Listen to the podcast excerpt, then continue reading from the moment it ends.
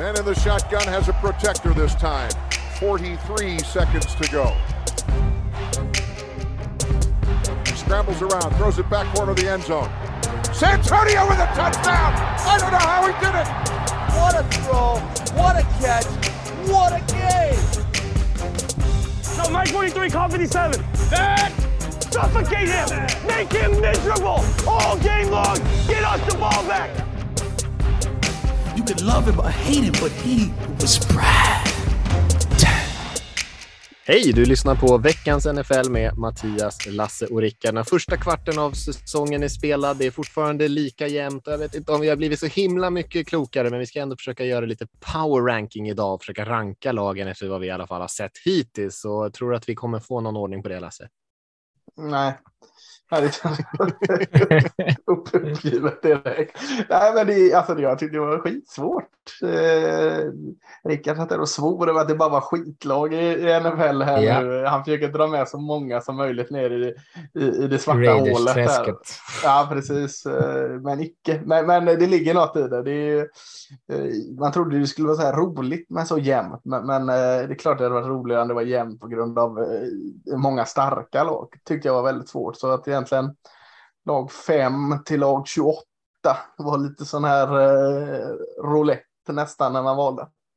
Det det känns ju som en sån här käftsmäll från hur man satt inför säsongen, för då minns jag att vi satt och pratade om att det är ganska många lag som ändå är så här Ja. eh, ordentliga contenders. Så, så, så sitter man här nu och tänker så här, nej gud, de kan inte vara topp 10, nej, de kan inte vara topp 5. Och så, nej, otroligt svårt där. Och så kommer vi såklart göra alla som lyssnar eh, jättearga för att vi kommer säga taskiga saker om deras lag. Då.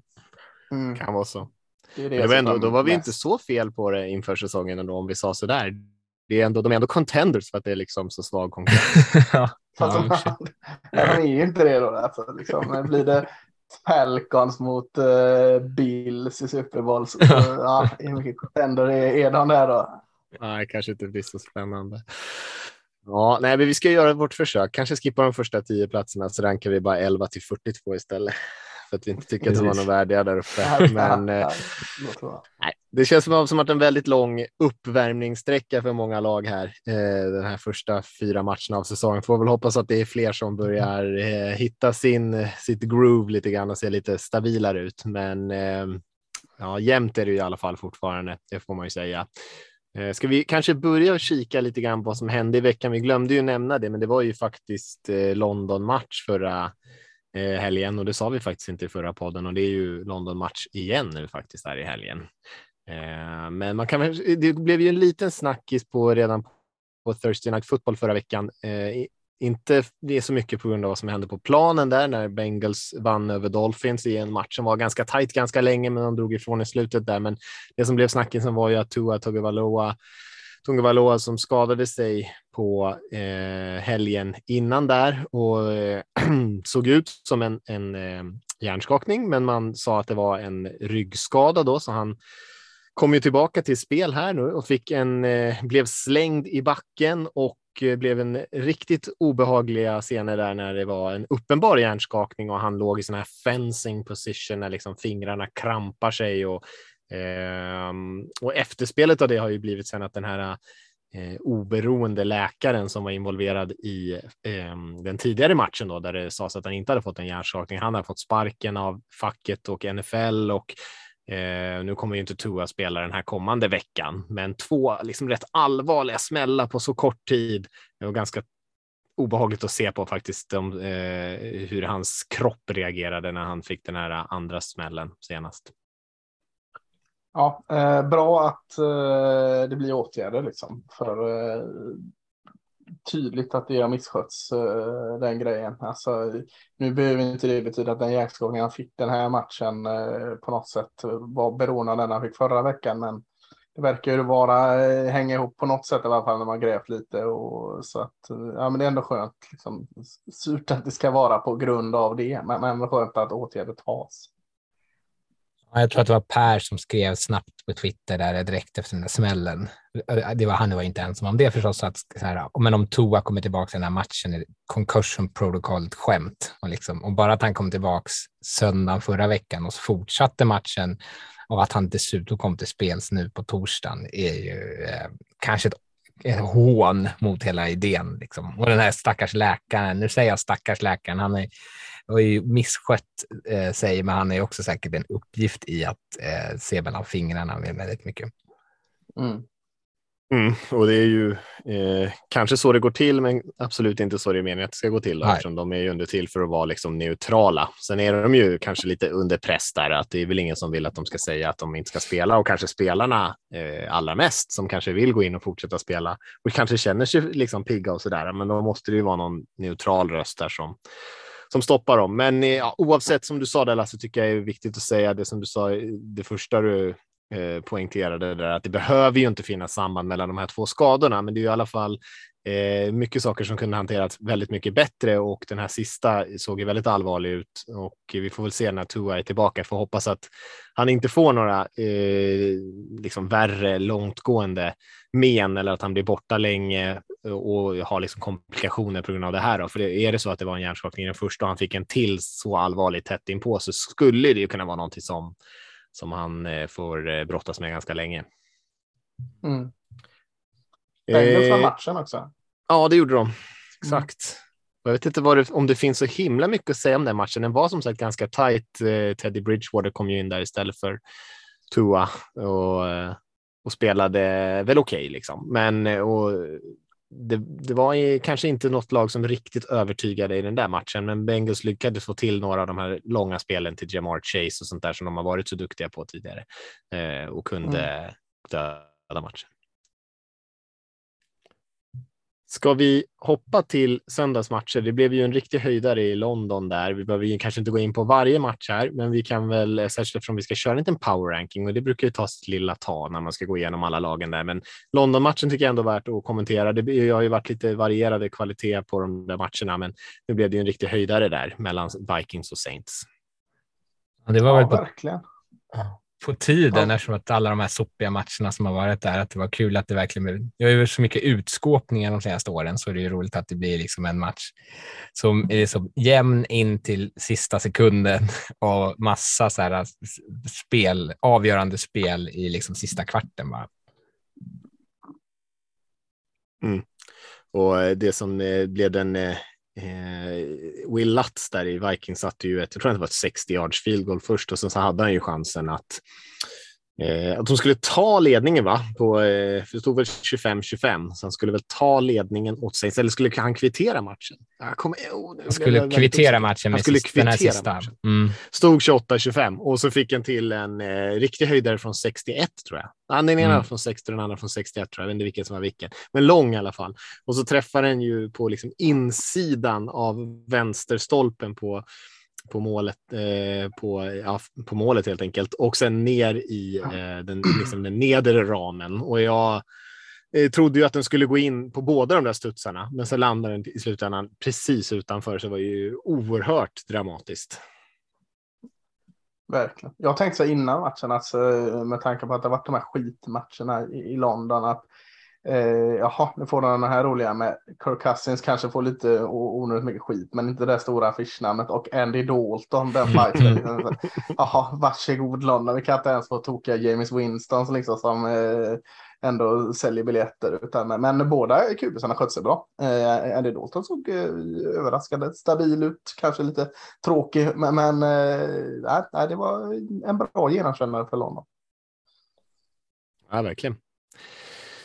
Eh, vad såg ni mer där på söndag? Finns det någonting som ni tycker att ni vill lyfta? Jag måste ju lyfta att Cowboys vann eh, tuffa matcher mot Washington Commanders. Oj, nej, nej det är, jag, jag sa det till innan, kanske de eh, två av de mest eh, sämst skötta organisationerna eh, clashade här, men, men eh, ja, Cooper Rush fortsätter vinna, det, det är noterbart. Eh, och Cowboys försvar är, är riktigt, riktigt bra. Det, det får man eh, ta med sig. Jag hintade lite om det innan säsongen, att det Eh, De har gått lite från att vara det här opportunistiska takeaway-laget till att nu egentligen vara ett shutdown-försvar. eh, Så att matchen i sig var inte så stort, men, men tendensen med Cowboys eh, vill jag ändå liksom stryka under att deras försvar har tagit steg utöver bara massa eh, interceptions. Så, så det är värt att hålla koll på. Verkligen, och där får jag backa, för jag var ju väldigt skeptisk till om de skulle kunna hålla upp det när de liksom kanske inte kunde hålla den där interception-takten, men de har ju snarare bara blivit bättre och bättre mm. och verkligen imponerat. Alla våra lag vann, får man ju säga. Ja. Det lär inte hända så många gånger den här säsongen, så det kan vi ju glädjas åt. Nej, men din var ju rolig, din match då Mattias. Eh, snudd på 100 poäng där. Kan, kan du inte ta oss igenom den, play by play? Ja, vad ska man säga? Den slutar i 48-45 till Seahawks mot, mot Lions då, eh, i Detroit. Så nej, det var ju bara en jäkla massa anfallsspel och, och knappt något existerande försvar överhuvudtaget. De här två lagen är ju... Eh, ja, Lions har väl det sämsta försvaret i NFL och Seahawks är väl kanske eh, inte långt efter. Och båda de anfallen har ju faktiskt spelat bra. är det så totalt? Nej, jag bara kollar på matchen. Nej, jag tänkte det, man vet ju aldrig. Uh, nej, uh, båda anfallen har ju spelat bra hela säsongen. Så att uh, ja, det blev ju bara en, en uh, poängfest där liksom DK Metcalf och, och hela gänget liksom dök upp och började spela de som kanske har varit lite osynliga hittills den här säsongen. Ehm, så, och Gino Smith har jag försökt hypa upp här lite grann, eh, som jag tycker har spelat bra. Jag har väl sagt det här i podden tidigare, så han spelar ju liksom, han har spelat bra i stort sett alla matcher han har startat från SIA också. Det här var väl hans klart bästa match hittills där han också fick verkligen kasta runt bollen lite grann. Och eh, ja, jag är ju faktiskt en jättebra säsong. Jag är väldigt, väldigt faktiskt chockad över hur bra han spelar. Eh, extremt stabil. Och väldigt sådär accurate, tar bra beslut, bra före snap, bara väldigt, väldigt stabil. Sen kommer man väl aldrig bli någon så här, eh, stor improvisatör eller liksom någon, någon superstjärna alla Mahomes och sådär. Men, eh, men efter sina förutsättningar spelar han väldigt, väldigt bra. Det leder ju till frågan då, för det kändes ju som att det här skulle bli lite av ett mellanår med Gino Smith. Men tänker du att han eventuellt är liksom deras lösning på QB-positionen framöver?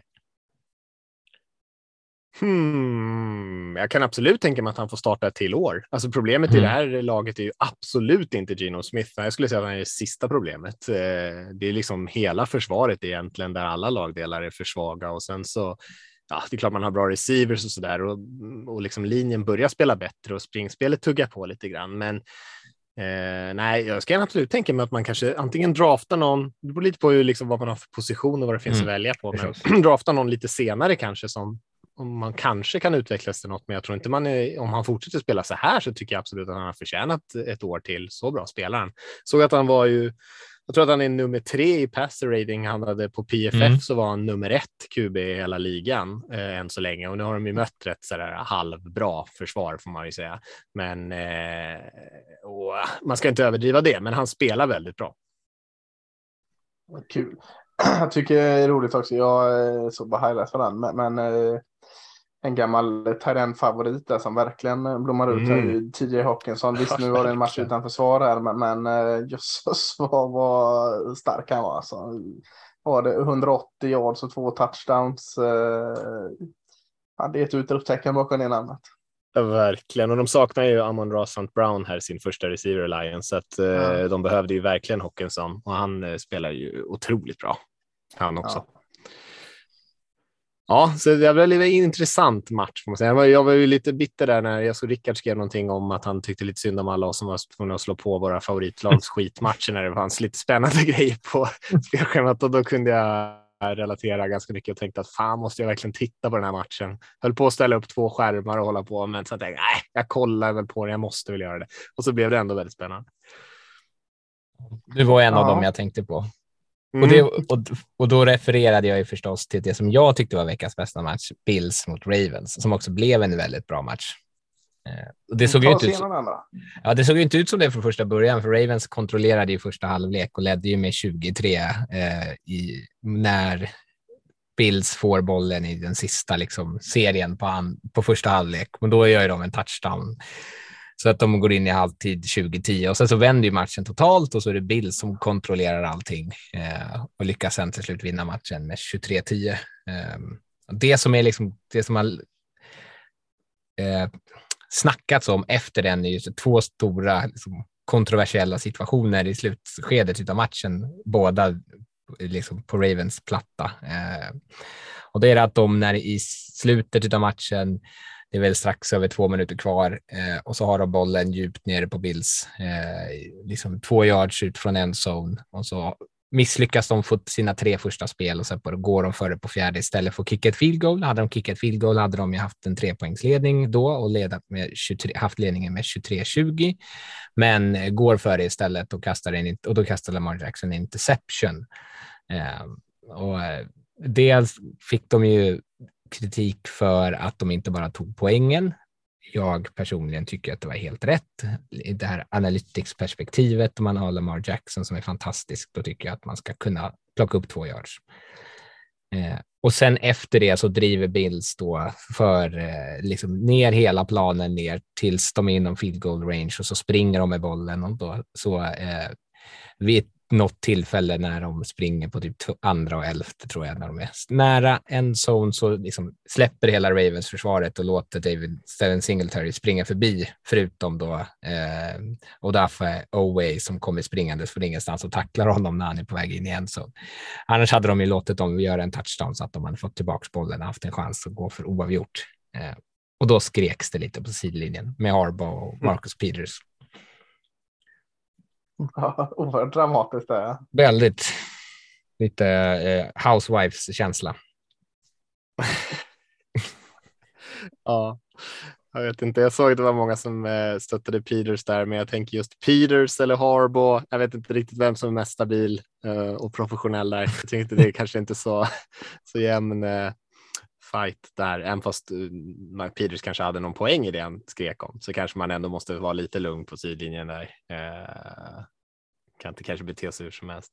Ja, det blev ju mycket diskussioner där. Vi har ju lite Ravens fans i vår Slack-grupp där, så det blev mycket diskussioner om det. Då satt jag och kollade på en annan match. Jag hade inte riktigt koll. Jag kollade lite på det i efterhand och eh, liksom kollade in situationen och eh, lyssnade lite på Harbos förklaring där och jag förstår vad han menar, Harbour. Jag, jag, eh, just de eh, Ravens-killarna på vår Slack, där de var ju väldigt inne på att han skulle sparka poängen och eh, jag tycker inte det hade varit något konstigt om man hade gjort det. Det, var ganska, det kanske varit det, det liksom det vanligaste beslutet. De flesta headcoaches hade säkert gjort det, men, men jag lyssnade på Harbour och jag tyckte ändå att han hade en ganska sund logik i det han sa och jag förstår var, varför de ville gå för det där. Och som du säger, man har Lamar Jackson, eh, det där anfallet. Visst ska man kunna plocka upp två yards. Det var ändå fyra minuter kvar tror jag vid det här laget, så det var inte så att det här var i slutsekunderna av matchen direkt.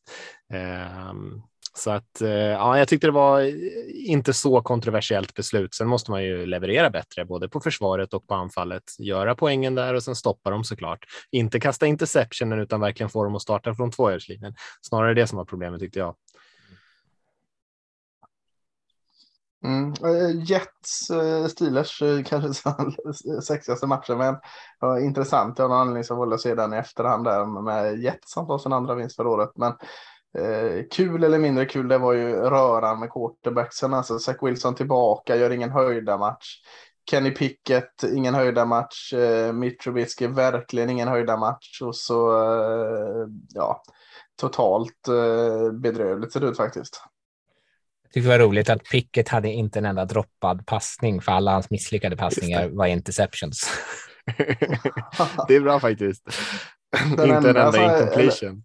Eh, uh, Zach Wilson gjorde ju sen en touchdown där, men uh, annars var det, vad heter han, Braxton Burrios, eh, receiven där som var uh, en av en och en touchdown. Så det var väl matchens bästa QB av de fyra som kastade var, var receiven.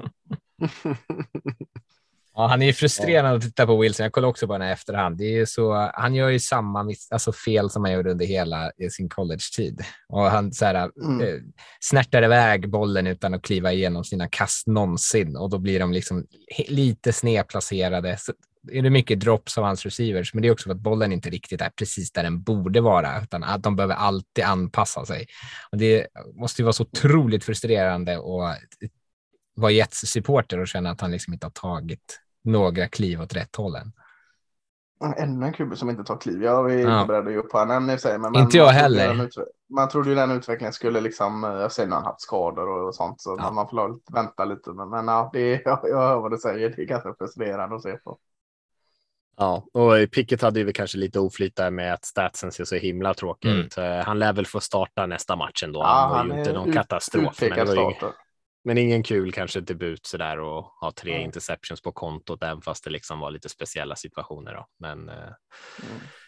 Mm, Eagles Jaguars i en tight match. Jag vet inte om vi behöver säga så himla mycket mer om den, men vi pratar ju rätt mycket om Jaguars och eh, Eagles här för något avsnitt sen. Men Eagles är ju nu det enda obesegrade laget kvar och eftersom Dolphins torskar den här matchen mot Bengals eh, när Tua skadade sig och sen så hade vi ju lite andra. Vi hade ju en övertidsmatch som i alla fall inte jag sett och inte så mycket att säga om, men Packers vann ju mot Patriots när Patriots spelade sin backup-QB där.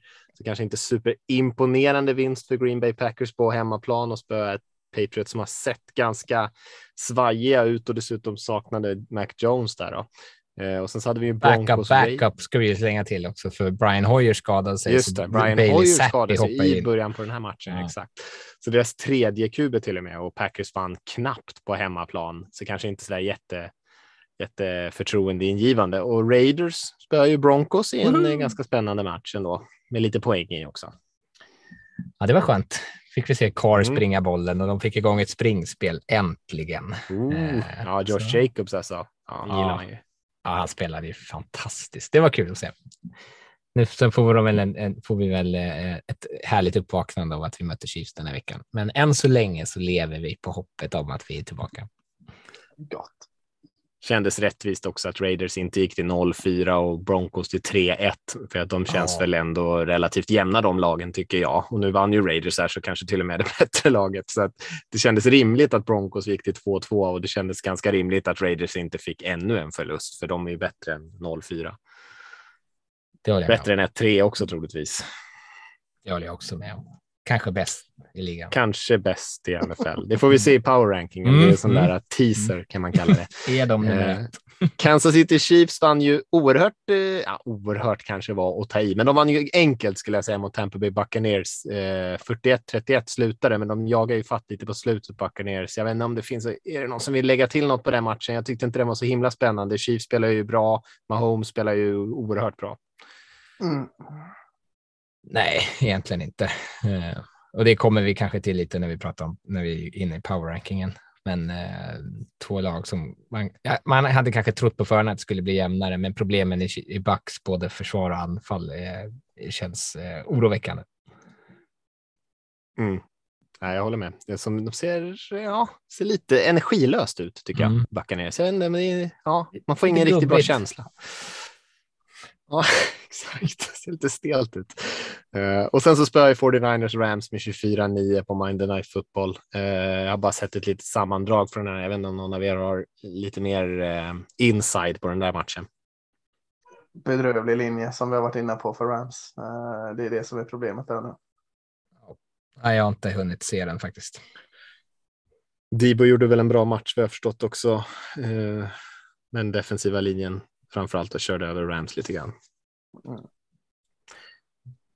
Då tycker jag nästan att vi går vidare och pratar lite power ranking, för vi kommer ju eh, in på lagen där ändå och kan ju mm. kommentera lite grann det. Och sen ska vi väl också ta en liten titt på nästa veckas matcher också.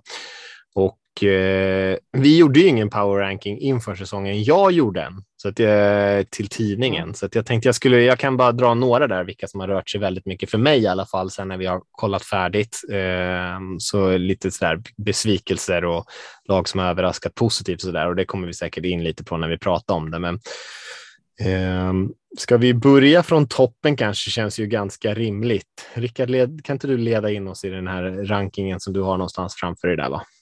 Det har jag. Jag satt nu också och tittade på paniken av att jag råkat skriva fel på Chargers. Eh, då har jag säkert satt något annat jävla soplag där. Ja, det märker vi. Det är spännande. Nu, ser jag felet. Vänta, nu ska jag uppdatera. Ja. Det, här är bra, det här är bra podd. Det, är, det är bra content. Jag ber om mm. ursäkt. Eh, först på listan i alla fall då, eh, eller ska vi ta de första fem? Ta de första tre till att börja första med. Tre. Då har vi Buffalo Bills nummer ett, Kansas City Chiefs nummer två och obesegrade Philadelphia Eagles eh, på eh, nummer tre. Stämmer den här listan nu? Jag blir orolig när du sitter och pillar i den i livepodd här att den här totalsummeringen inte hänger med. ja, men det där, där har inte jag varit inne och petat. Så högt upp har inte jag satt Chargers. Det är lugnt. Ah, okay, ah, ah, vad, vad, sa du nu? Nu, nu? nu kan jag slappna av då och lyssna. Vad hade vi för ranking? Bills etta, Chiefs tvåa och Eagles trea. Ja, Eh, det är väl inte mycket att snacka om det. Va? Det är eh, de tre lagen nu som var lätta att sätta tyckte jag. Eh, tre lag som, eh, alltså jag vet inte om man ska säga att Bills och Chiefs har eh, eh, överraskat eller överpresterat. Kanske mer om man säger att de har presterat ungefär efter de förväntningar man hade. Eh, och så Eagles då som vi ändå eh, smög upp alla tre. Eh, har väl ändå överpresterat enda obesegrade laget, det får man säga. Men inga jätteöverraskningar där. Nej, och vi hade ju alla också Bills etta, Chiefs tvåa, Eagles trea, så vi var liksom helt överens där. Um, mm. Och uh, det är väl kanske inte Ja, vi är nog inte några unika snöflingor i det kanske. Det här känns som att de flesta är rätt överens om att det här kanske är toppen. Um, och eh, framför allt kanske topp tvåan där Chief, Bills och Chiefs är väl lag som hade tippats inför som du var inne på Lasse och sen som också verkligen har levererat och ser liksom riktigt bra ut där i AFC. Ska vi köra vidare med några lag till? Du får ta så många som mm. du orkar i taget, Rickard. Ja, men då, eh, tar, vi kan ta eh, tre till bara. Så tar vi då plats nummer fyra har vi Baltimore Ravens, fem har vi Green Bay Packers och sex har vi Miami Dolphins. Och då tänker jag säga redan där att där har jag medvetet dragit en linje för att jag tycker att det inte finns så jättemånga fler bra lag som hör hemma kanske på en eh, topp 10-lista ens. Eh, hårt kanske. Nej, men i alla fall inte hur de har levererat än så länge. Jag tänker att det kan mycket väl vara lag som det finns ju lag som har mer i sig som skulle kunna segla upp och, och spela på den här nivån, men eh, det har varit väldigt upp och ner för många. Ja, ja det, ni var ju väldigt heta på Baltimore Ravens där. Eh, och det är klart att eh, de, de är bra, men jag, jag håller inte riktigt så högt som ni gör där, än i varje fall, utan jag skulle nog peta upp lite andra lag. Packers till exempel Eh, är jag imponerad av. Jag, jag eh, sitter ju lite och väntar på att det där fallet på Packers ska komma. Det kommer ju aldrig lite. För mig, för mig är det eh, kanske nya eh, New England Patriots. Inte på det sättet som Chiefs är, men som att de ändå liksom mm, de klamrar sig fast med vad de har och gör det väldigt, väldigt bra. Eh, Rushon Gary är ju helt otroligt bra i det här försvaret och liksom talar så mycket för hur Packers liksom har byggt om sig. Så att eh, jag, jag Eh, vill nog lägga upp Packers i, i diskussionen. Kanske för att det är lite glest i NFC med, med utmanare så vill jag stryka under Packers där. Det som, det som oroar mig med Packers, för jag har dem ganska avsevärt lägre än vad ni har dem. Mm. De förlorade mot Vikings första veckan, sen vann de mot Bears. Det är ingenting att skryta med. De vann knappt mot Buccaneers den där 14-12 matchen eh, som anfallet såg förskräckligt ut. Försvaret jättebra visserligen och nu ja. vann de liksom på övertid mot Bailey Zappi. Så det känns inte riktigt som att de har gjort en sån statement match där det känns som att så här, de här är verkligen bra. Skulle de möta Bills eller skulle de möta Chiefs så tror jag att de blir totalt utskåpade. Nej, spara på statement matchen. ja, det är ingen där ser bra ut redan kanske. Nej, eh, nej. nej. Mm. nej. Eh, vad hade vi med det? Dolphins hade vi va? Ja. Också eh, är jag lite smyg eh, hög på. Eller det beror lite på hur Tova och allt det här kring detta är eh, och sker. För eh, Bridgewater såg inte lika fint ut när han kom in där. Det är inte lätt att komma in så. Men man, eh, jag tycker ändå det är den här hypen man hade tidigare som säsongen ska få ligga kvar ett tag till i alla fall innan jag börjar peta ner dem längre. Det tycker jag också. Ja, och så tar vi vidare nu för, och då har vi, då tar jag ett, par, ett gäng, här tar jag fem och då har vi på sjunde plats, då har vi Buccaneers, åttonde Chargers, nionde Rams, tionde Jaguars, elfte Vikings. Mm. Ja. Här har vi väldigt olika på många. Mm. Märker jag nu här. Eh, jag har ju petat ner Buccaneers ganska lågt. Ni hade dem båda ganska högt. Eh, Rickard har petat ner Rams ganska långt, va? Väldigt långt efter nattens match. Ja, oh, jäklar, mm. du tror inte alls på dem. Nej. Och jag har. Vikings ganska mycket lägre ner. Men annars, ja. ja. Så vi är väldigt olika på de här lagen. Vad är det för skikte då? Liksom Buccaneers, Chargers, Rams, Jaguars, Vikings. Jaguars känns jättesjukt alltså, att säga de här. Vad, vad är de tionde rankade? ja, det är ganska sjukt. Det är sjukt tänkte jag tycka att ni inte är kloka och så är jag själv bidragande som satt om 12 här. Det är Rickard som har dem typ som ett av de hetaste lagen i NFL. Nummer åtta. ja. ja. Det skulle vara Mattias som skulle vara Jaguars uh, såld här nu, men du, har, du är på hypen. Jag är på hypen. Jag hoppar på tåget. Jag tror ja. alltså det. Det handlar dels om att det kanske inte finns skitmånga bra lag, eh, men de har ju spelat bra eh, och de har vunnit över bra lag. Eh, jag tycker att försvaret eh, spelar liksom eh, väldigt så här, rally to the tackle eller vad man säger. Eh, springer till bollen, tycker den defensiva linjen ser jättebra ut och jag tycker anfallet funkar eh, mycket bättre än vad jag hade tänkt mig inför säsongen. Jag trodde de skulle ha problem i eh, red zone och sådär bland annat, för jag tyckte att Lawrence under första säsongen såg lite tveksam ut, men eh, det känns verkligen som att han har landat i Doug Peters system. Ehm, så jag, jag tänker mig att eller jag tycker att de är ett av de bättre lagen. Jag hade varit mer skrämd att möta Jaguars än Rams. Mycket mer.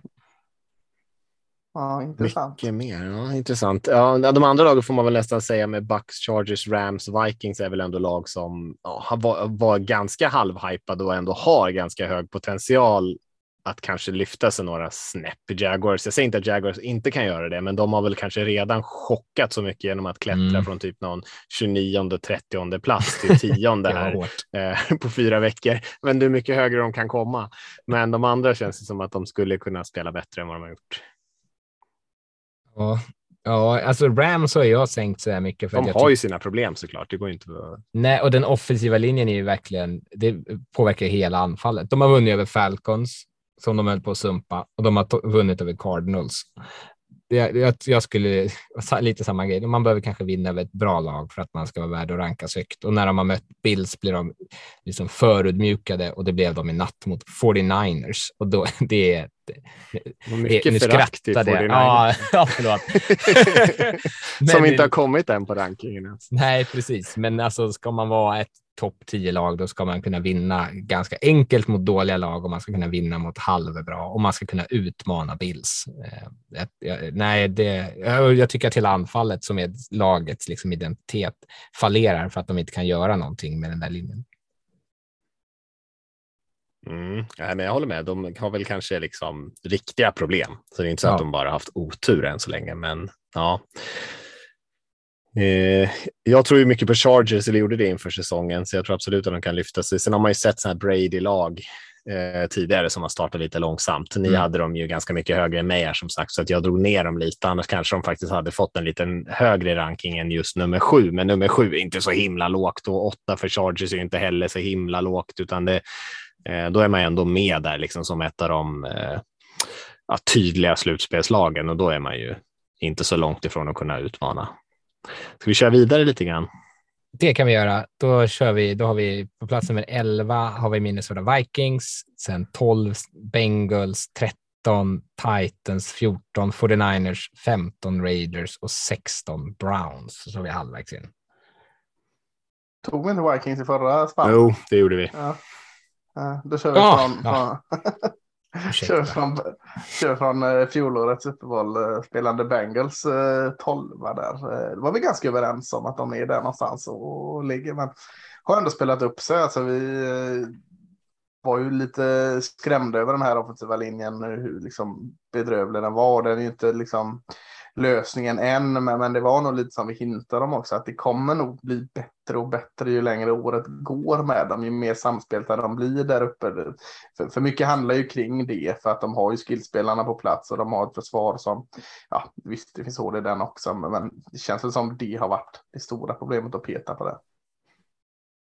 Mm, det här känns, jag tycker Bengals Titans känns som väldigt rätt rankade här, liksom på mm. gränsen till slutspelet som de har spelat än så länge tycker jag. Eh, 49ers hade jag ju betydligt högre ner. Ni hade dem ner på 18-20 och jag hade dem på 9, så de landade här på 14. Eh, kanske tycker att de eh, skulle kunna varit något snäpp högre och ni tycker säkert tvärtom då. Men eh, och sen Raiders så drog ju Lasse ner dem ganska rejält. Det har de. Fy fan Lasse.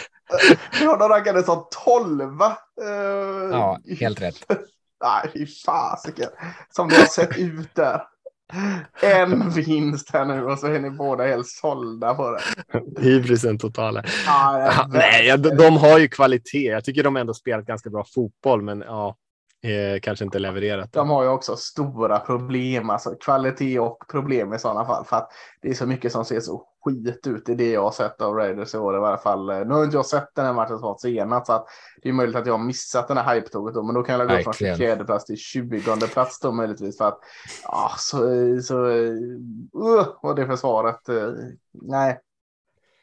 Alltså, jag, det som jag har landat i på något vis är att eh, jag, jag, tror att man har ett spelarkapital eh, och en, en, högre nivå än många av andra här, i det här mittenskiktlagen.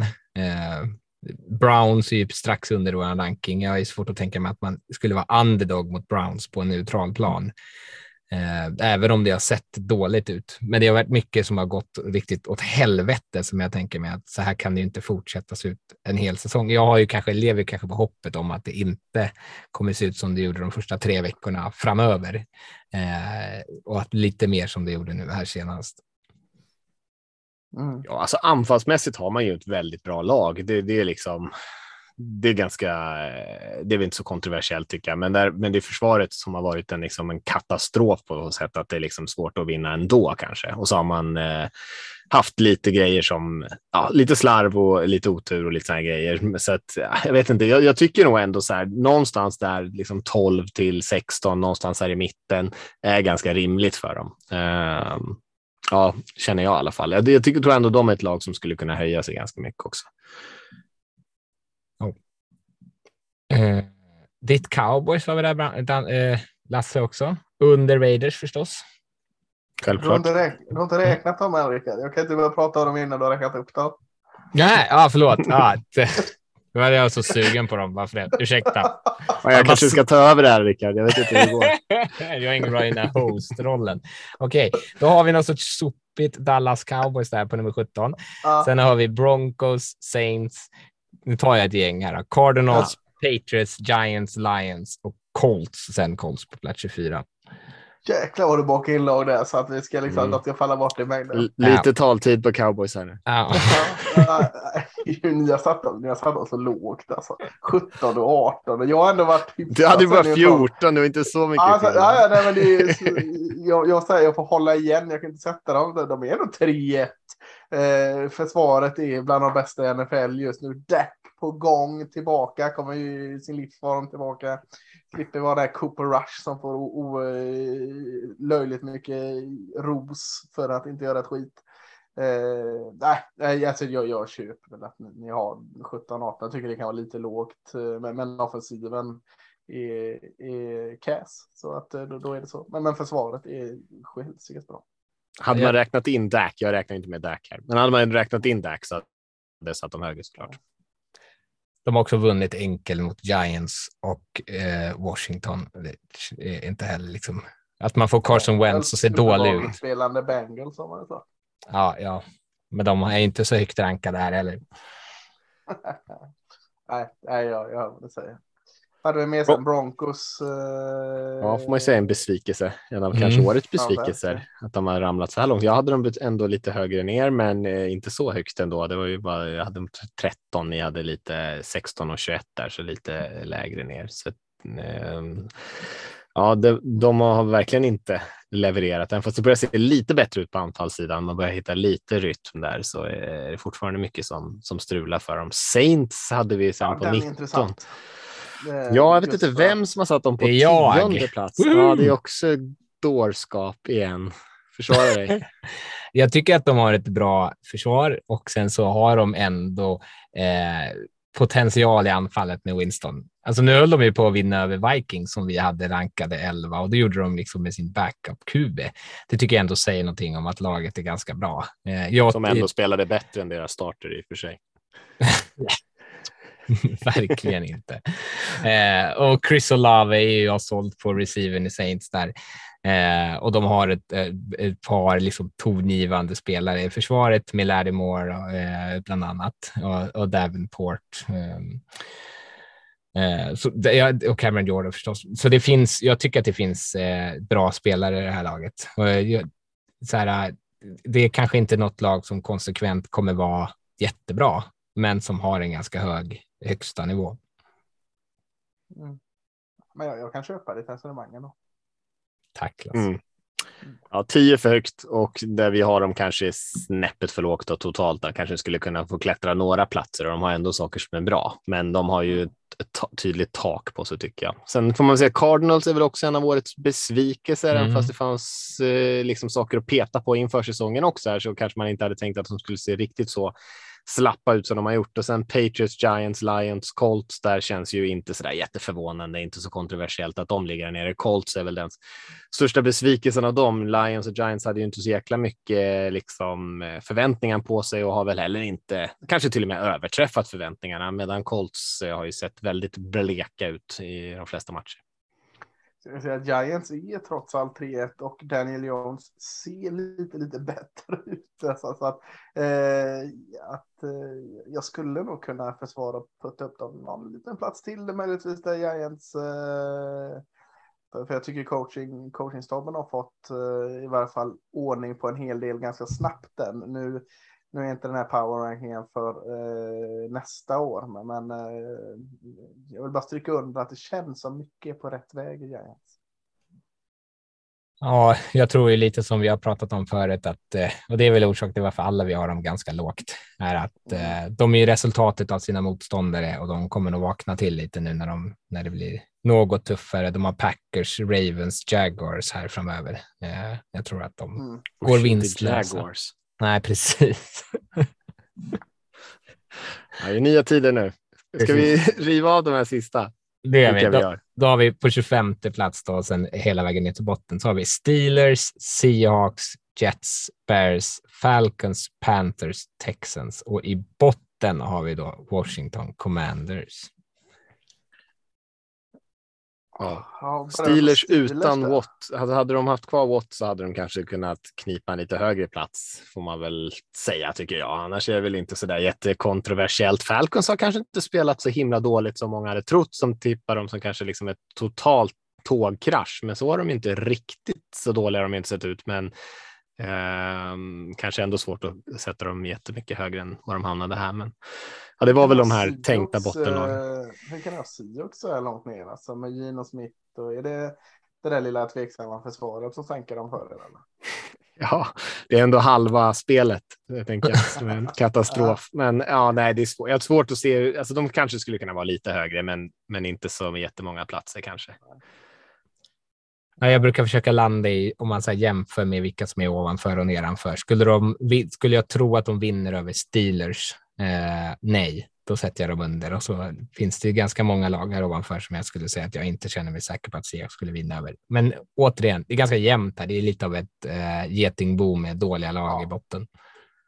Så är det.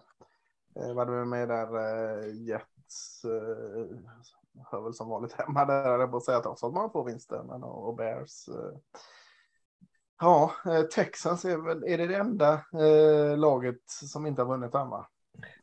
Så är det. Och ändå mm. inte lägst rankad där. Nej, eh, skulle ju gått svinbra med Love Smith har jag hört vissa säga. ja, jag får väl äta upp det då. Jag trodde att det skulle se bättre ut. Eh, ja. Men det är också mycket för att anfallet inte riktigt har varit eh, framför allt det tycker jag har varit det största problemet i laget. Eh, och jag trodde väl att David Mills skulle vara bättre än vad han har varit. Ja, men det, det liksom som man då kan glädja sig om man är Texas-fan är ju att många av de här nya eh, rookiesarna ser ändå liksom individuellt ganska spännande ut och bra ut och tagit mm. Eh, kliv. De har ju typ ledarroll redan där så att man liksom behöver inte liksom sätta ansiktet i handflatorna och bara gråta här, utan eh, det finns en framtid i alla fall. Det gör det. Men det lär ju bli med en ny huvudtränare från nästa säsong om det, ja. om det fortsätter så här. Eh, och Washington längst ner eh, tycker jag är helt rätt. Liksom, det är ingenting som liksom pekar på att den trenden ska liksom ändra sig heller.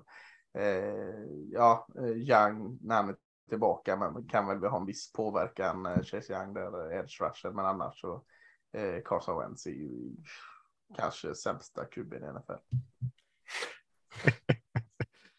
ja. ja. men, men man blev inte så jag... jättetaggad när de bytte till så honom eller man kände vad, vad har de liksom?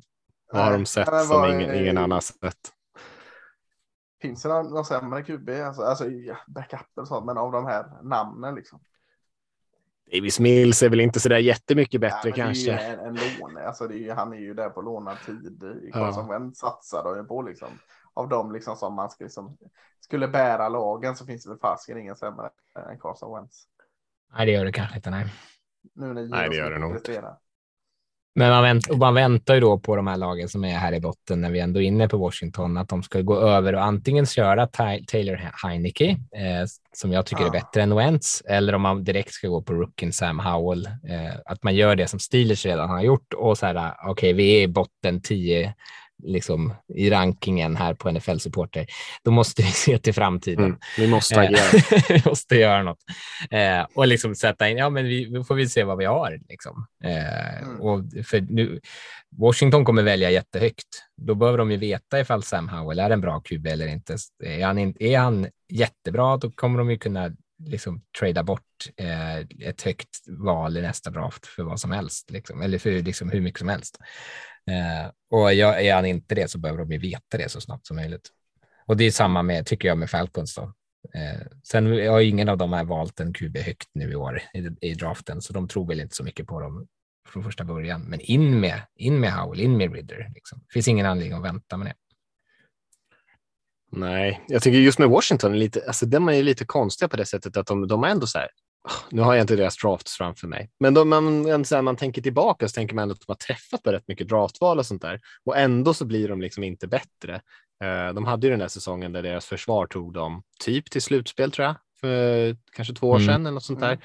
Eh, då de liksom såg lite sådär halvpigga ut, men sen så har det liksom bara gått stadigt ner för här under Rivera. Jag vet inte liksom om det Eh, Har man rätt tränarstab på plats liksom? För det känns ändå som att man borde ha Nej. kvalitet för att inte vara liksom alltså- sämst rankat i NFL. Nu är eller? jag ju eh, anti-Rivera sen gammalt, men, men ko- Offensive coordinator Scott Turner, defensive coordinator Jack Del Rio, fy fan Mm. mm. jäkla eh, gubb, Verkligen. gubbtjuvagäng där liksom.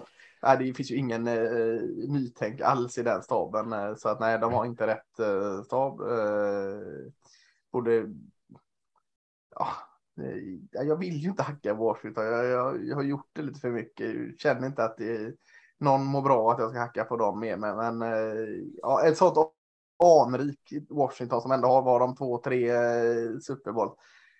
Det borde kunna styras upp bättre det här skeppet alltså. Mm. Han sitter kanske lite på heta stolen där, eh, Rivera.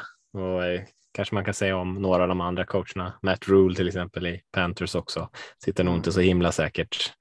Tanke på hur de spelar. Eh, ja, jag kollade lite på min ranking inför säsongen. Här. Det var väl inte så himla konstigt vad som de som hade rört sig mest där. Det är väl uppåt så är det i alla fall Eagles som jag hade ändå eh, ganska eh, liksom eh, hade ganska höga tankar om, men har ändå klättrat liksom från någonstans runt 10 upp till trean.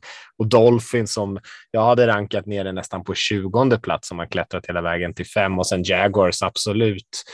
Och nu säger jag ju min egen ranking här så att vi ska inte blanda ihop den med våran gemensamma utan vad jag hade satt dem nu då. Och så Jaguars som har klättrat en himla massa medan å andra sidan på som vi, några som vi sa där. Cowboys kanske på grund av Dak-skadan har tappat lite i alla fall hur jag hade rankat dem och sen Cardinals, Broncos och även eh, Bucks, Chargers, Rams hade fallit lite för mig eh, som är liksom lite besvikelser än så länge.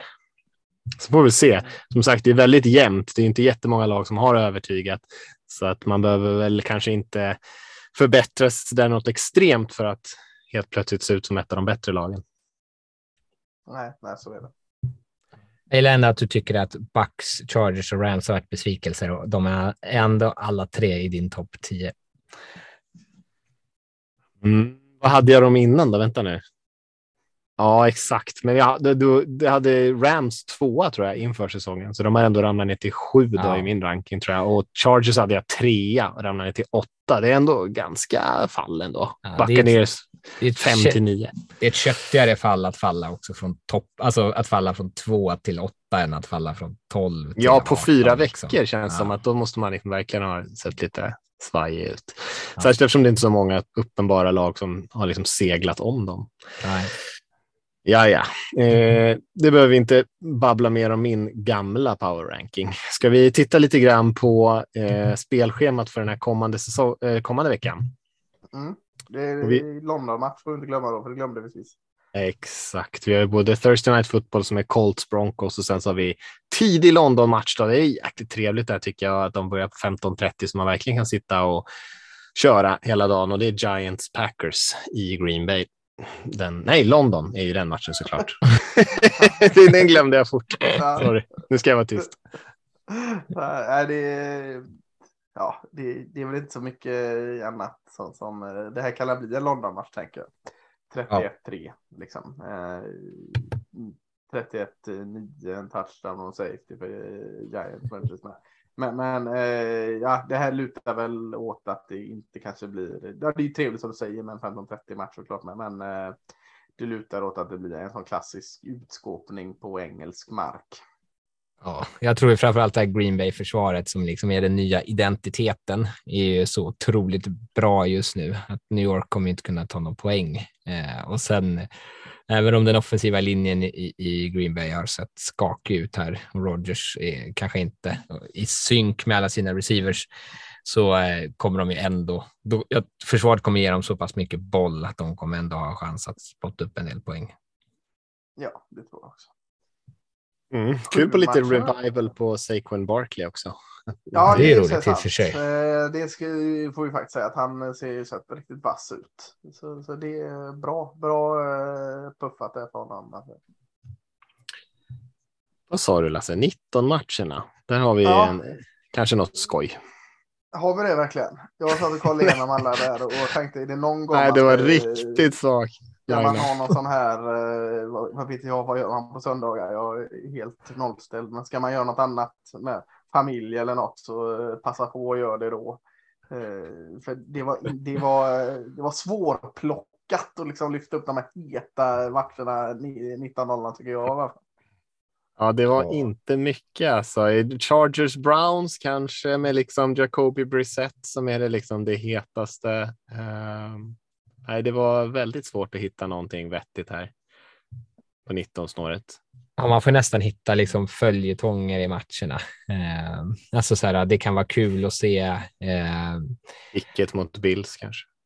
Ja, ja, men, ja typ. Eh, liksom den typen av grejer som man kan eh, titta på. jag vet inte om Tua spelar den här, okej, okay, det var kul att se. Eh, Nej. Nej, han gör inte det. Nej. Nej, men då har ju New York, eller Jets en chans att, att plocka den. Um... Ja, jag tänkte faktiskt också att den matchen var en av de roligaste. Mm. New York Jets tar emot Miami Dolphins. Ja. Jets 2-2, Dolphins 3-1. All upphåsning äh, kring Dolphins.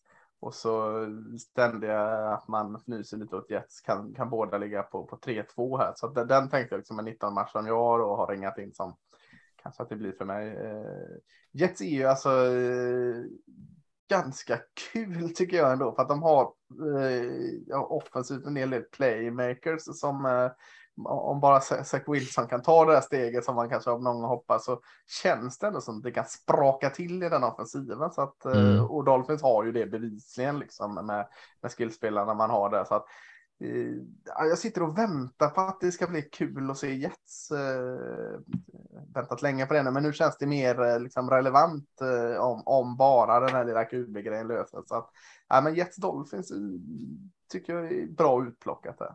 Och Jets med den här offensiva linjen som jag tycker ser så bra ut. Eh, mm. kan ju, om Miami börjar, eller om de spelar som ett väldigt aggressivt försvar och skickar massa exotiska blitzpaket, det är ju då de här playmakersna i Jets kanske kan få utrymme att vinna och, och liksom tidigt och skapa yards efter mottagning. Och då kanske det blir lite mer fyrverkerier än vad det har varit. Mm. Eh, tänker liksom om man ska bara för att liksom hitta någonting och liksom låsa upp sig vid en klassisk rivalmatch som inte känns het eller jämn, men, men det är trots allt en klassisk rivalmatch. Det är ju Minnesota Vikings som tar emot Chicago Bears där, men, men eh, mer, mer än det kanske. Det känns väldigt till favör Vikings där. Mm, det tycker jag nog. Ja, nej, det var förbluffande eh, svagt och om man även kollar på 22 matcherna så är det ju inte något sådär klockrent där heller. Jag tänker 49ers Panthers känns ju inte så där jättekul. Man får ju anta att 49ers efter liksom eh, den senaste matchen här mot Rams att de ska kunna vinna hem det där ganska enkelt. Eh, ett väldigt imponerande Eagles möter ett Cardinal som har sett väldigt svajiga ut än så länge. Man tänker att det är en ganska tydlig fördel och sen har vi Cowboys mot Rams, men Cowboys har ju fortfarande Cooper Rush. Det kan säkert bli kanske lite drag i den matchen ändå när Cowboys försvar ska eh, ställa upp mot den där väldigt eh, skakiga offensiva linjen i Rams. Men eh, det hade varit lite mer star power om man hade haft Dak i den matchen. Men Cowboys Rams tycker jag, eh, alltså visst nu är det mitt Cowboys här så det är inte det, men, men där finns det lite eh, liksom match i matchen och, och lyfta. Så Micah Parson eh, lyfts ju fram, eh, såklart överdrivet så, som bästa försvararen i NFL redan, men han är helt fenomenalt bra. Liksom, bara kul att kolla på honom. Han ställer upp som eh, på alla de här positionerna eh, egentligen eh, falla bak i cover, blitza på, styra från mitten, linebacker. Hans roll i, i Cowboys då, front eh, sju kontra Aaron Donald då, som är herre på täppan fortfarande. Liksom, två sådana giganter, en gigant på gång och en gigant som verkligen är giganter, liksom, som kanske då leder de här försvaren när det är lite klick i maskineriet på offensiven. Så, så där tycker jag det finns en, en spännande storyline i den matchen i alla fall. Ja, den är rolig. Parsons är ju verkligen eh, fenomenal. Eh, mm. Och han är, det, är, det är så roligt där som du också, när de, att de flyttar runt honom för allt möjligt. Han känns som en sån där ett bugg i Madden, typ, där man kan sätta liksom en spelare 99 ranking var man än sätter honom på något vis. Mm. Eh, så bra spelar han. Så det är, det är den man spelar man skulle själv kontrollera om man spelar försvar i Madden. Alltså ja. en, en, en, linebacker, men sen så bara får man för sig att man ska blitza eller någonting för man blir uttråkad. Ja. Det ser sällan bra ut när jag spelar. Han gör ju även det tråkiga liksom, faller bak eh, i coverage och, och, sånt också. Så att eh, han är oerhört imponerande. Att, att, eh, och det är ju mycket till Dan Quinn, defensiva koordinatorn, fått ut allt detta kring honom och, och låter honom flyta runt så liksom och få mm. honom att vara nöjd och flytta runt så. Så att den relationen där, den är väldigt, väldigt bra. Ja, det är ju bra. Eh, ja, för Rams är det ju viktigt att de inte fortsätter det här förfallet. De antar att de ändå har ganska höga ambitioner med den här säsongen med tanke på hur det slutade förra året. Ehm, så att, men de kommer nog vara under rejäl press av det här cowboyslaget, det tror jag också. Eh, ganska bra nattmatcher tycker jag. Eh, Sunday Night Football är ju Bengals Ravens i Baltimore. Eh, mm ja, två bra lag helt enkelt. Och sen har vi ju nattmatchen på Monday Night Football som är Raiders Chiefs. Men vi kan väl börja med Bengals, Bengals Ravens som känns eh, ändå väldigt intressant. Två ganska olika lag eh, på många sätt, men två kul quarterbacks eh, och två lag som ändå har en del brister i sig. Men eh, Ravens kanske har ah, övertygat lite mer hittills den här säsongen, men även Bengals har ju spelat bra i perioder, så det är ändå två, de där, två sådana där lag som ligger kanske snäppet bakom de här topp trean som vi var så överens om och som liksom, eh, ja, är kanske en liten bit bakom för just Bengals just nu. De har levererat, men har ändå möjlighet att klättra rätt mycket och, och eh, vara med och utmana till slutet känns det som.